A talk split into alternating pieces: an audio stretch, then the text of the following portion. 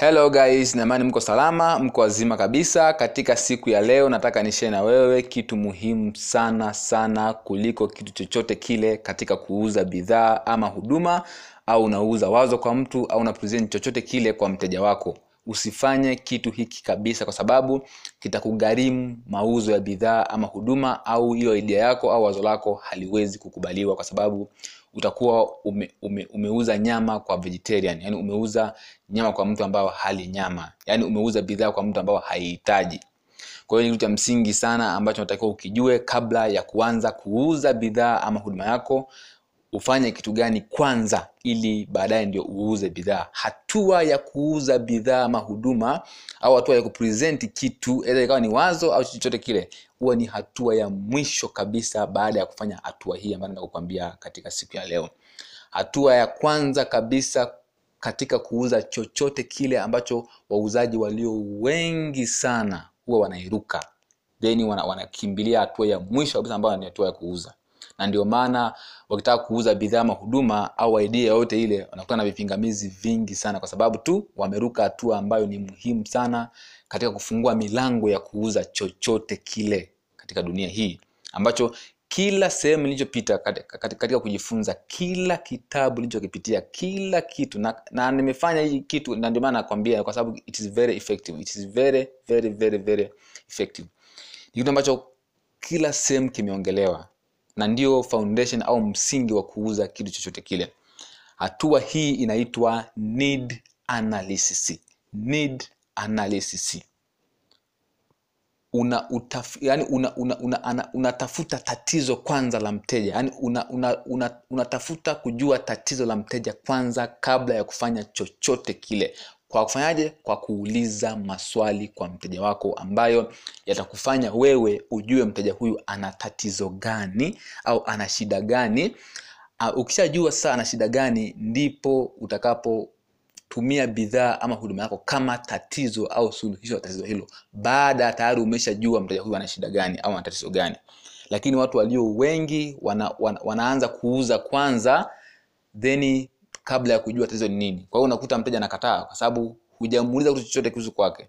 Kuhusu labda tatizo gani na shida gani hujamuuliza then unamuuzia bidhaa. Kwa hiyo unakuta unauza bidhaa kwa mtu ambaye haihitaji. Ndio maana unakuta wateja wengi wanakataa kununua bidhaa ama huduma. Ipo hivi. Katika biashara ambayo upo wewe ya kuuza chochote kile ni biashara ya watu sio biashara ya bidhaa. Kwa hiyo anza na biashara ya watu kwanza. Yaani wanasema hivi stage ya kwanza kabisa ya kuuza chochote cha kwanza kuwa consigned na, mu, na, na mteja kwa asilimia mia kwanza. Yani jihusishe na mteja kwa asilimia mia kabla ya kumuuza chochote kile. Na kabla ya kuongea kuhusu bidhaa kabisa hakikisha unajihusisha na mteja wako kwa asilimia zaidi ya mia kwanza yeye. Lengo la kufanya hivi ni kwamba ili mteja aone kwamba wewe uko consigned au unajali zaidi kuhusu tatizo lake kuhusu kumuuzia bidhaa. Muulize maswali kwanza ambayo yatakufanya mteja wako akwambie tatizo lake ni nini then baada ya kujua sasa mpatie bidhaa mahuduma yako kama suluhisho au utatuzi wa tatizo lake baada ya kumuuliza maswali kwanza. Yani wanasema kuwa interested na mteja kwanza yaani vutika na mteja kwanza kabla ya kumwonyesha bidhaa au chochote unachokiuza. Lengo la kufanya hivyo ni kwamba ili ujue mteja huyu ana tatizo gani kwanza then baada ya kujua tatizo gani then present bidhaa yako au muoneshe bidhaa au mwambie kuhusu bidhaa yako kutokana na tatizo lilokwambia na jinsi bidhaa yako itakavyotatua tatizo lake. Sasa unakuta una present bidhaa ambayo tatizo la mteja halihusiani kabisa. Kwani mteja anakwambia sitaki au sinunui au nitanunua kesho? Ndio unakuta mteja anakataa. Lakini ukishamsikiliza kwanza akajua kwamba unamthamini na unamjali na unamjali yeye kwanza kabla ya kumuuzia bidhaa na kuhakikishia mteja atakwambia anahitaji bidhaa ya aina gani. Wateja ukishamsikiliza vizuri na kumuuliza maswali yeye mwenyewe atakwambia anataka bidhaa ya aina gani bila wewe kumu, kumuuzia bidhaa. Atanunua mwenyewe bila wewe kumuuzia. Na wateja huwa wanapenda kununua kitu kuliko kuuziwa. Kwa maana ya kwamba baada ya, ya kumsikiliza na akakwambia shida yake au tatizo lake ni nini baada ya muda atakwambia ata nahitaji bidhaa yenye sifa hizi. Kwa hiyo hata uhitaji kabisa ku, kuongea kuhusu bidhaa yako kwa sababu tayari mteja atakwambia mwenyewe kama anataka bidhaa aina hii kutokana na tatizo ambalo analo. Kwa hiyo tusiruke steji hii tunapouza bidhaa ma huduma. Hakikisha kwanza asilimia mia au focus yako kwanza iweke kwa mteja kwanza sio kwenye bidhaa. You see? Yani mteja akishakuja kwenye sehemu ya biashara hakikisha unakuwa concerned na yeye kwanza kama individual. Yani yeye kama mtu kwanza bidhaa yako usiongee nao kabisa muulize kwanza kuhusu kile ambacho anakihitaji. Then baada ya hapo ukishajua mteja ana tatizo gani na anahitaji bidhaa aina gani ndio sasa umpe bidhaa yako kama, kama usuluhishi wa tatizo lake sio uanze kuuza kwanza kabla ya kujua chochote kutoka kwa mteja. Na ndicho wauzaji wengi wana- wanaofanya makosa ni kwamba wanaanza kuuza kwanza bidhaa kabla ya kumuuliza mteja kitu chochote kuhusu uhitaji wake au kuhusu bidhaa ambayo anaihitaji kwao unakuta wateja wanakataa tu.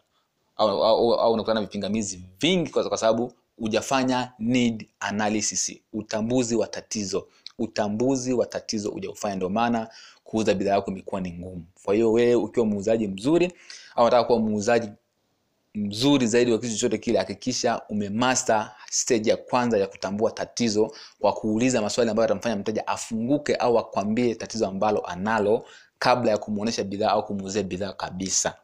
Na tendo la kuuza itakuwa ni rahisi sana endapo utatumia mbinu hii ya kufanya need analysis.